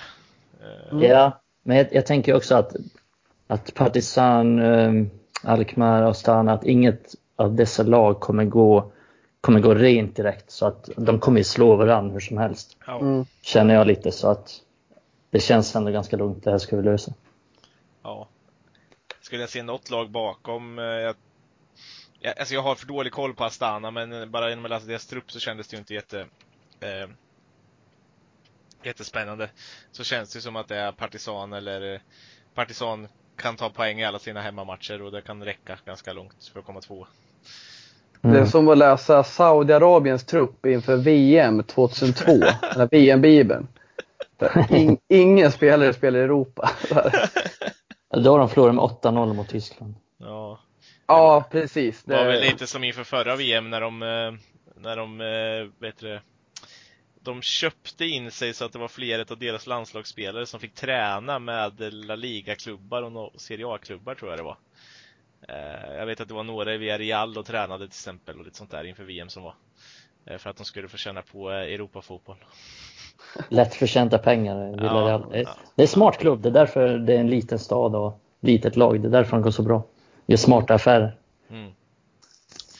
Ja, eh, ja, det är sant. Eh, nej, men det känns väl som vi är ganska färdigpratade runt Europa League, eller vad, vad säger ni? Ja, Ja, det tycker jag om. Eh, vi hoppar över till eh, näst sista punkten på listan eh, egentligen. Eh, har ju, som vi pratade, nämnde förut i alla fall, varit ett eh, deadline eh, Ja, en deadline till då egentligen i övergångsfönstret för resterande Europa istället för England just då. Eh, som vi har eh, diskuterat en gång tidigare. Eh, vi har ju inte kunnat värva någonting eh, om man inte har hittat jag vet att det var lite på tal om eh, någon eh, free transfervärvning på typ Fernando Llorente och lite sånt där men det blev ju ingenting av, tack gode gud. Eh, vad sa du? en kan komma. Ja, de kan ju faktiskt komma fortfarande, eh, tror jag va. Free transfers går väl hela vägen fram till Ja, man kan väl plocka in dem utan kontrakt liksom. Som... Ja, jag tror, går fram till, jag tror man kan registrera fram till oktober eller någonting sånt där. Uh, något sånt i alla fall. Jag kommer inte ihåg, det finns något regelverk för det där också. Eh, men eh, vi har blivit av med lite spelare i alla fall. Eh, vi, vi har ju lyckats, lyckats, eller ja, tappat, får man se vad man vill. Men Sanchez har försvunnit. Eh, vi tappade Småling, Darmian. Sprang också iväg där i slutet. Det var mycket sista dagarna där som kändes som att det har kunnat lösas tidigare om man hade varit lite proaktiva från eh, Uniteds sida. Eh, Är det någon jag missat nu? Eller är det de tre som är, har försvunnit efter andra om man tänker? det är ju Lukaku, Sanchez, Darmian och Småling som har Mm. dragit nu. Men Lukaku precis. drog ju, redan innan vi pratade förra gången. Han drog ju under vårat fönster. Ja, Mm, mm. Ehm, så att, uh, nej, det är väl de tre egentligen. Uh, och där vi har Mm. Sanchez en deal på ett lån utan köpoption. Uh, vad var det vi skulle betala? 6 miljoner utav lönen ungefär. Uh, Mm. Pund pratar vi då. Uh, Mm. Och de inte skulle betala 9,6 miljoner och det är över ett år. Uh, så det är ingenting per månad eller så utan det tittar man väl över året tror jag. I alla fall det som var uträknat i alla fall. Om vi bortser från detaljen där så känner jag liksom att bara att eh, vi blev av med många av de här spelarna. Jag anser att det är väldigt många av de här som inte längre platsar och de inte passar in i klubben. Jag kan ju säga att Lukaku, är klart han platsar i A- i A-truppen. Men han kommer inte riktigt passa in i den fotbollen som Solskär eh, vill spela. Han klarar ju inte riktigt av den här target-rollen. Även fast han är jävligt bra när vi möter lågt stående försvar. Så ser inte jag någon långsiktig lösning av honom eller Sanchez i laget. Sanchez borde kunna funka, men det har inte funkat. Och det är skönt att han har gjort sig av med de här spelarna och faktiskt gett fog till det han sa inför eh, sommaren. Att det är vissa här som inte kommer vara med. mm. Och ni kommer märka det, det är väl med Darmian. Han har inte visat några riktiga ambitioner. Han har varit en OK reserv, men vi har inte sett honom tillräckligt i truppen och det måste väl ändå vara en konsekvens av hans eh, handlande. Hur han tränar, hur han visar upp sig för norrmannen. Eh, Ja. Men jag känner, det är ju jävligt positivt och jag ser ju, ska komma till det sen, varför det på långsiktigt är viktigt men det som är stort minus är att vi har ju inte ersatt Herrera. Och Mm. även fast jag tycker det är jävligt bra att McTominay får speltid, vilket han ska, så på lång sikt, eller på, på kort sikt över den här säsongen, så kommer vi vara jävligt tunna kompetensmässigt när vi saknar en sån viktig spelare. Eh, vi, vi har liksom Fred som alternativ till McTominay och Matic och vi vet ju vad vi tycker om dem. Mm. Eh, Fred- Fred, tror jag på, Ja. som sagt. Jag sa det förra avsnittet med. Men vi har inte sett det än. Som Mikael sa, han inte sett vad han är bra på än och det har han ju ändå bevisat. Och med det i hamn så är det ju jävligt synd att vara utan Herrera. Eh, Så det är väl mitt minus och jag inledde med mina plus. Mm. Eh, och det är svårt att inte hålla med dig, alltså rent krasst. Eh, Jag jag brukar tycker... säga det. ja, du har sån, sån övertalningsförmåga så att man, man måste nästan. Nej men att vi blir av på något sätt, alltså det känns ändå som att det här som Ole någon gång sa, att det ändå försvinner spelare, att han sa att alla kommer inte vara kvar. Eh, det känns som att man har försökt bli av med spelare. Jag tror faktiskt det någonstans. Men att det är svårt att få sålt på de här spelarna. Alltså vi riar ju ut en Darmian. Eh, Vad var det han gick för till slut? Var det fyra? 1,5 eh, miljoner euro tror jag. Ja, okej. Men det var, någon, att- det var någon som skrev Ja, fyra inte- sen tror jag. Ja, Ja men det är med klausuler och sånt tror jag. Ja. allt Vi, vi fick ju med för Leo Connor då. Ja, Alltså, Ja, ja, just det. Där har vi en som har försvunnit också. Jävla sjukt alltså. Jag tänkte komma till det sen, att du skulle få dra lite om honom, Mikael. Eh, Du känner ju honom bäst. Men, men om, vi, om vi får stanna där på, på, på eh, typ Darmian. Ja, men han, han kostar mindre än vad Luis gjorde till mellan Chelsea och Arsenal. Eh, Men samtidigt en spelare som, ja, varför inte göra sig av med honom? Det spelar ingen roll vad han kostar i det här läget. Nej, det är, det är liksom, det är ju så. Det är bara, det är bara att skeppa iväg. Han ingår inte i planerna och kostar bara. Han används liksom inte. Det är, Nej. det är, det är bara att inse att United gjorde en massa misstag tidigare. Mm. Med Sanchez, med Darmian, med liksom, med massa spelare. Det är Mm. bitar i sura äpplet och göra sig av med dem. Och där får man väl ändå ge något till Ole. Det är ju inte hans misstag. Nej, nej han gör ju rätt. Liksom. Det, Ing, inget utav de här är hans misstag eh, som han har Nej. gjort sig av med. Chris Smalling handlar ju inte om ett misstag egentligen. Det handlar ju om eh, att han inte har presterat på senare år. Eh, och eh, eh, jag tror egentligen lite som diskussionen har varit att det handlar om att ja, Rojo, Smalling eller Jones, någon måste ut. Alternativ två måste ut. Eh, han var den enda som någon kunde tänka sig att ta, tror jag. Möjligtvis att någon hade kunnat tagit Jones, men då hade det handlat om England och det var, var ju kört för ett tag sedan. ja, Rojo var ju på väg till Everton men Mm. enligt rykten så stoppar ju Glazer det. För att de vill inte Nej. Eller om det var Ed Woodward för att de inte ville sälja till, eller ge till en förstärkande rival. Och det kan vi ju, det kan man, nej, Adam blir lack när jag säger det. Nej men, nej men det är, Men vadå Adam, hade du sett eh, Rojo ut och Longstaff in då, eller vad? Nej, fy fan. Nej, Bort med båda. Nej, men jag känner ju att, eh, li, lite som du sa, alltså Småling, det är ju någonting med det du sa, med att det är svårt att sälja någon annan. Men sen också att han ändå har ambitionen att spela från start och att han, han hade man gärna velat ha kvar, men om han vill, han vill bort och han inte vill spela det, man ser ju varför det händer. mm. Eh, även fast man önskar kanske att Rojo gick före ut än honom. Att Rojo ska sitta med och att han sitter med på bänken sist, det är, är ofattbart för min del alltså. Det är ju bättre att ta upp eh, Brandon Williams från U23 och sätta honom på bänken i så fall. Alltså, Ja, Men Rojo har ju någon hållhake på Solskär, det måste ju Ja, ja, vara. det är definitivt. någonting Ja, är ju, antingen så har han glidtacklat Solskjaer för många gånger på träning eller något så att han har hjärnskakning eller så, ja, jag vet inte. Det, det, det är en fasansfullt dålig spelare enligt mig. Det finns inget huvud, han är värre än Bajy i tacklingarna. Eh, Och han har inte ens en fot att prata om och jag vet att Mikael nämnt det förut men det kommer ju alltid ett patenterat långskott från 45 meter. Varje match han spelar Ja. så drar han. Ja, det är helt sjukt. Ingen självinsikt. Nej. Det är det, det är det som är det mest störande med honom, att han inte har någon självinsikt. Mm. Det är, nej, Nej, han slipper helst se. Astana borta, enda matchen. Ja, nej, han kan få spela mot Liverpool borta och ta uh, Salas eh, knölar eller någonting. Det är väl typ det. Nej, oj, nej, nu vart jag deprimerad. Eh, vi, vi går vidare, vi pratar Sanchez har vi pratat lite om, men, men alltså det är ju, det tråkiga med de här dealarna är väl egentligen, eller det är inte tråkigt, Småling tror jag, eh, han vill bara spela, att det inte finns någon köpklausul där är väl bara bra för honom. Jag tror att han kommer gå till en annan engelsk klubb nästa år, eh, rätt säker, eh, säker. Absolut, det kommer han Eh, göra. Det är Everton typ av klubb kommer nog köpa honom. Ja, precis. En West Ham-värvning kanske. Ja. Ehm, Sanchez. Ja, alltså det är tråkigt att det inte finns en köpklausul där. Jag tror ju att går han bra i Inter eller okej bra så kommer de nog punga ut honom ändå till slut. Men, Mm. eller någon sån klubb. Men eh, jag vill ju inte ha tillbaka nästa år om han inte har gjort succé.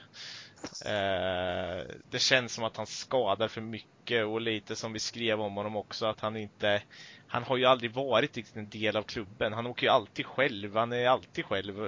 Alltså Någonting har ju gått snett sen han kom. Ja, men han har ju en svår personlighet. Det var ju bevisat redan i Arsenal. Liksom. Mm. Han var ju väldigt egensinnig. Och jag ser ju, jag hoppas verkligen att han gör dundersuccé i Inter så att vi kan sälja honom. Mm. Jag, ser, jag ser ingen väg där han gör dundersuccé och vi ska börja nyttja hans nya leverans. Nej. Det viktigaste är för mig är att han har ju varit den som haft överlägset bäst ersättning från klubben genom sin lön han fick. Och att vi nu någonstans ska få en början till en bra balans. Mm. Eh, han hade ju mycket mer än Pogba och Pogba ändå levererat. Det har inte Sanchez gjort och det börjar här. Det börjar med att vi fimpar de här spelarna som har över mycket löner i relation till sin prestation. Så jag hoppas verkligen att vi kan sälja dem. Jag ser det framför mig. Jag ser framför mig hur han också vill lock, eller ta sig bort. Om det är så att i USA eh, eller någon annat ställe där man tar spelare som börjar tappa lite. Eh, Det skiter jag i. Vi måste bli av med honom. Det är jätteviktigt för våra långsiktiga mål och få ordning på vår lönebudget. Ja, det är det. det är, han, han måste bort bara. Det, det spelar ingen roll om han gör 15 mål. Han kan inte komma tillbaks längre. Det, han, för klubbens bästa så måste han, så måste han försvinna på heltid. Yes.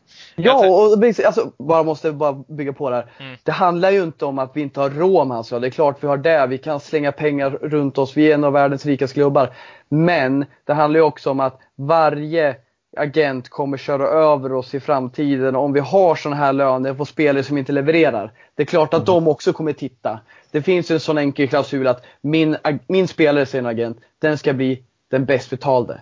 Ja, då kommer de att titta på Sanchez. Det är ju där problemet vi har med de Gia. Det är klart som fan han vill ha en jävligt hög lön och då tittar han på Sanchez. Medan Ah. Sanchez i själva verket har gjort mindre mål än James. Eller han har gjort samma antal mål som James och James började nyss. Ja, men han Det är har gjort färre är- mål än Småling liksom. Ja, det är det som är det viktigaste för mig. Att vi liksom börjar det blir en balans helt enkelt. Vi har råd men vi måste tänka taktiskt och vi kan inte bara säga att ja men vi har råd, vi ska göra de bästa lönerna. Nej men det går inte. Vi, vi, vi, en spelare går inte igång till, ska inte komma till United för att han tjänar bra pengar. Han ska komma för att ta oss till nya höjder. Mm, precis. Och för att höja sitt eget spel i så fall eller någonting annat eller för att han vill vinna grejer eller någonting sånt. Vi ska ta in sådana spelare. Det, det, det, det, det, det är, vi ska inte ta in sådana spelare. Det är sådana spelare som ska komma till oss. Eh, Mer åt det här hållet. Eh, jag tänkte att du ska få avsluta lite Mikael. Vi, vi tappade ju ändå en, en, eh, en spelare vi pratade om på senaste avsnittet. Eh, han gick iväg till eh, ja, ja, Liam O'Connor i alla fall, men vart, vart tog han Aha. vägen? Eh, Celtic. Celtic. Ja, precis. Eh, Vi pratade lite om honom och att du nämnde honom lite som en, eh, en allround typ. Eh, Jag vet att du har kritiserat orden eh, John O'Shea typ, fast inte riktigt. Eh, Ja, han, han är en John O'Shea typ fast han är inte lik honom i spelsättet alls eftersom Leo Connor han är ganska liten och kvick. Han är ju, han är ju mittback slash ytterback slash innermittfältare. Han spelar innermittfältare i U19 EM senast för Irland. Mm. Och så spelar han oftast ytterback eller mittback för United. Men han har ju inte storleken för att bli en, bli en mittback i längden i ett lag som Manchester United.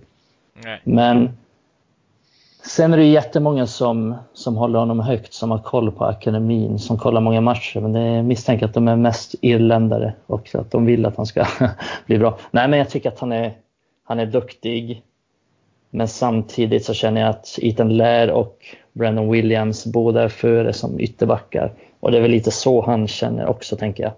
Och han har inte, Ola har inte visat att han, att han har med honom i sina planer. Ola ändå, även fast Ole liksom inte haft med Ethan Laird i truppen så han nämnt honom vid namn officiellt. Och det har han inte riktigt gjort med Leo Connor och Brennan Williams har faktiskt varit med i truppen. Ja, han nämnde väl honom inte för så länge sedan heller om vi pratar Williams just. Eh, Nej, precis. Och Williams var ju med i truppen mot Paris borta tror jag. Mm. Så att, Ja, Ja, det är väl inte så konstigt i sig, men det känns som en spelare som vi kanske får se i Premier League framöver i, i lägre lag, eller Championship åtminstone.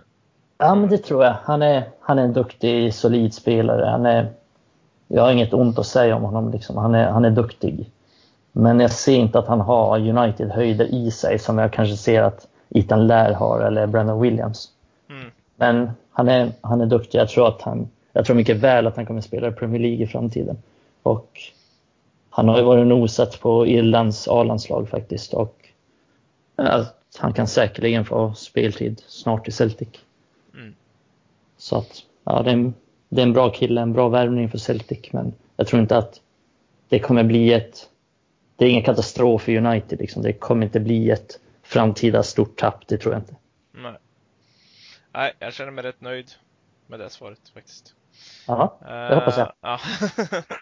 Eh, nej, men eh, vi ska väl egentligen flytta över till eh, dagens sista punkt.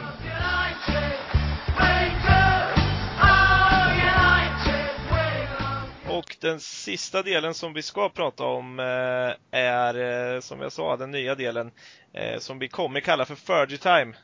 Där vi kommer skicka ut inför varje avsnitt till er som lyssnar här. Eh, på Facebook kommer det komma ut eh, eventuellt även, även Instagram. Eh, där ni kan få ställa frågor till oss helt enkelt. Lite som ni vill att vi ska svara på. Och så tar vi dem här och försöker att ge er så bra svar som det går.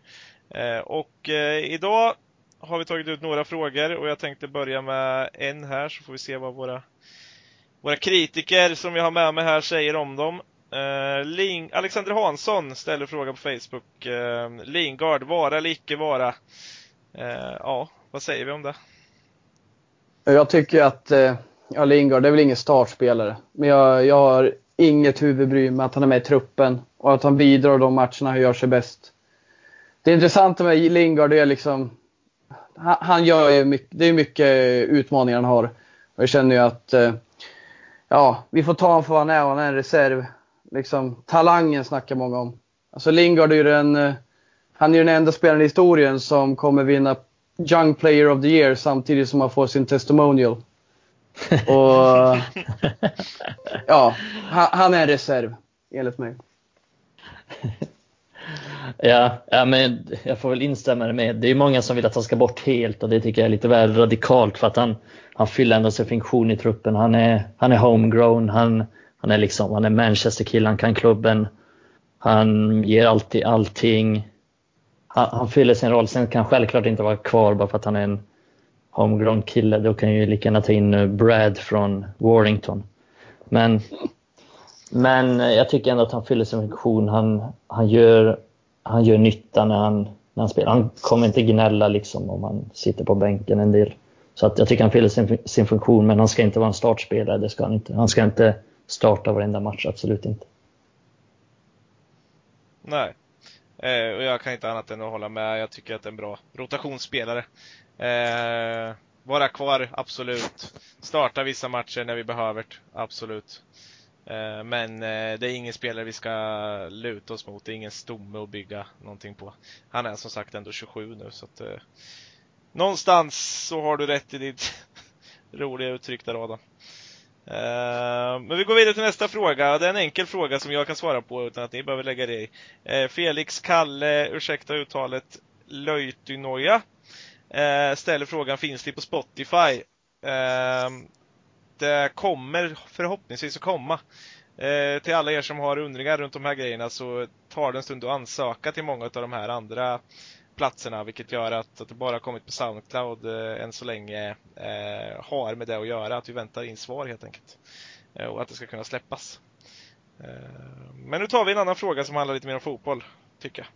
Eh, Besart Hassani säger Är Lindelöf Man United-klass? Inte enligt honom i alla fall, men vad säger vi? Jag tycker det är diffust men vad är Man United-klass? Alltså, ja, tänker man Man United under Ferguson-eran? Nej, då hade han inte platsat. Han hade inte platsat.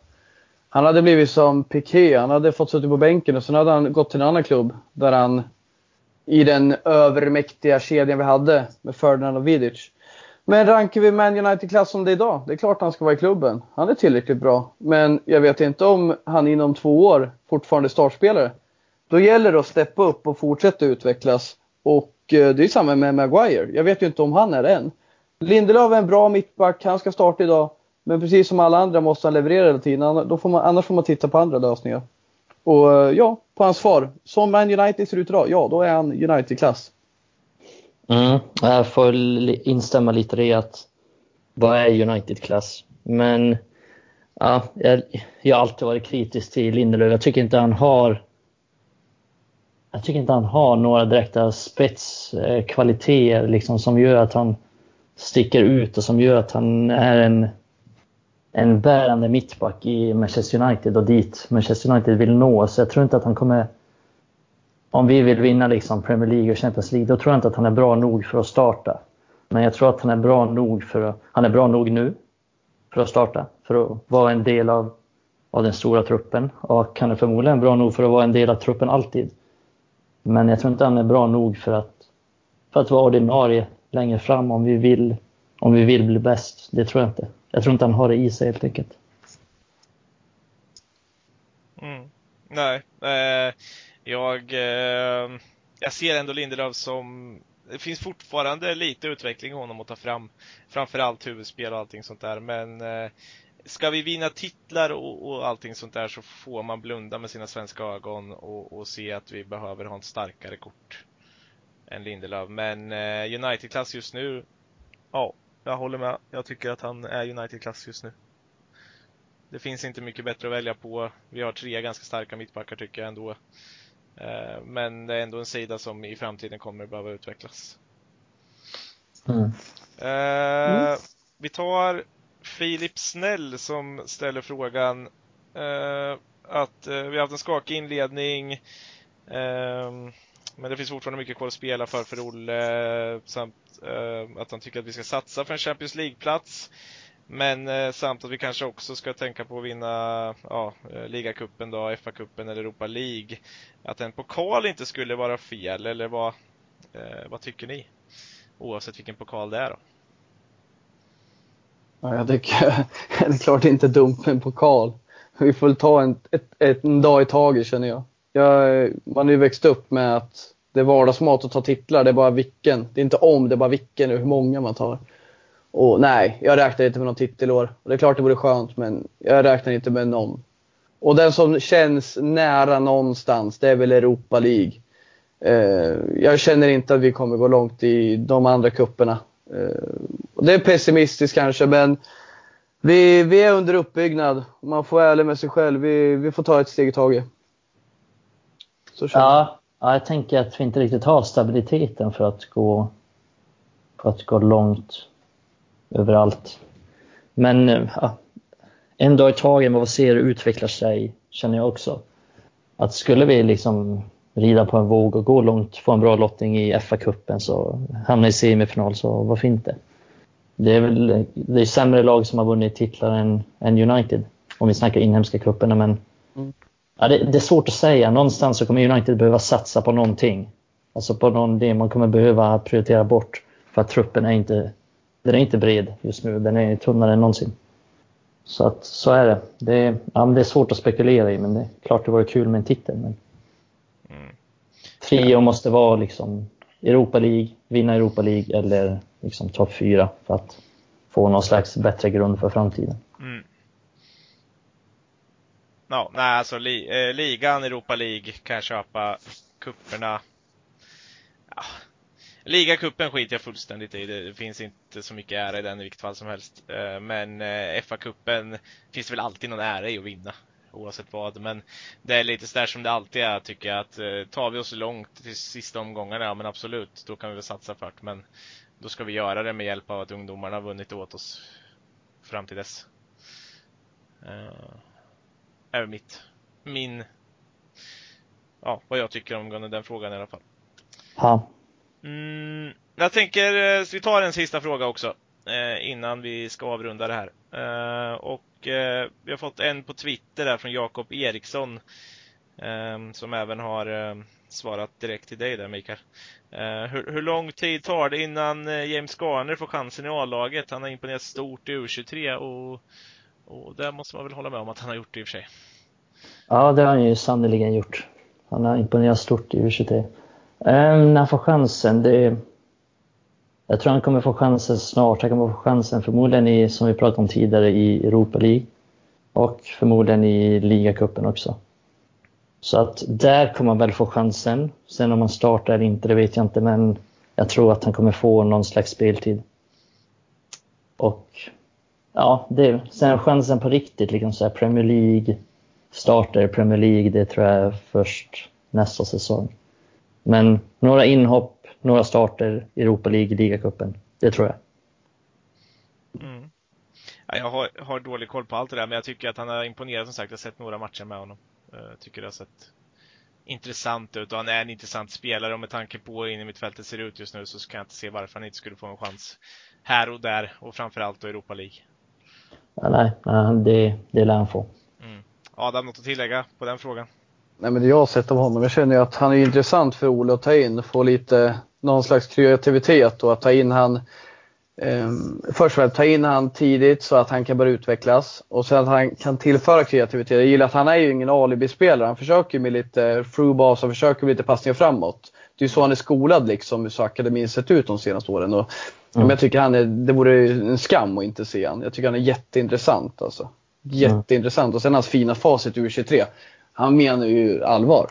Ja, absolut. Han har tagit, han har tagit det på rätt sätt. Att han, det är bara egentligen nu mot så här 15 han har åkt med med truppen. Annars har han fått vara i U23 och resten av gänget har liksom hängt med A-laget. Av hans liksom årgång så att säga. Lite skulle väl det kunna vara resultatet av Nicky Batts nya roll kanske. Ja. Eh, om, Ja, ja, men ja, absolut. ja, men lite att det finns en koppling mellan U23 och A-lag och så också. Eh, Ja, som och- är, och han är med på alla U23 matcher och han är runt A-laget och ja. Nej. Jag, jag vet inte, jag, det, det är ju fortfarande en diffus roll som du sa förra, förra avsnittet men, men eh, kanske ligger någonting i det. Ja, men det gör det Eh. nog. Han, han har ju ändå bättre koll på, han och Ola har ju liksom bättre koll på akademin och Mm. det känns som att de har lite närmare kontakt än vad, än vad till exempel Mourinho hade som inte brydde sig jättemycket. Nej, och jag tänker att vi får stänga det här för dagen. Helt enkelt. Eh, det var otroligt trevligt att ha er med igen och eh, att få spela in eh, avsnitt nummer två utav Red Army Sverige-podden. Eh, jag tänker att eh, vi får se när nästa avsnitt blir, men man får alltid räkna med att det kan ta en månad ungefär innan vi hörs igen. Och så jag vill tacka er grabbar återigen för det här. Tack själv. Lika trevligt varje gång. Tack, tack. Det var kul. Mm, men då hörs vi allihopa. Tack så mycket. Hej då! Hej då! Hej då.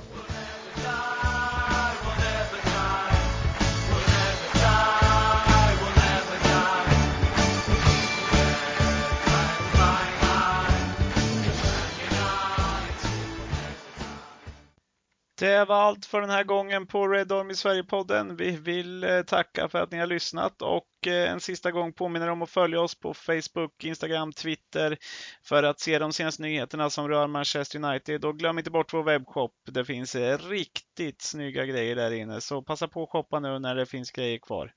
Annars så vill vi önska er en fortsatt trevligt eh, landslagsuppehåll här och eh, hoppas att ni fortsätter hålla koll på oss. Är det några frågor som sagt till podden så håll även utkik nästa gång vi lägger ut det på Facebook, Twitter, Instagram så kan ni ställa era frågor där så hoppas vi att just eran fråga kommer med och det är den som våra kritiker svarar på. Tackar för allt detta. Killar slut!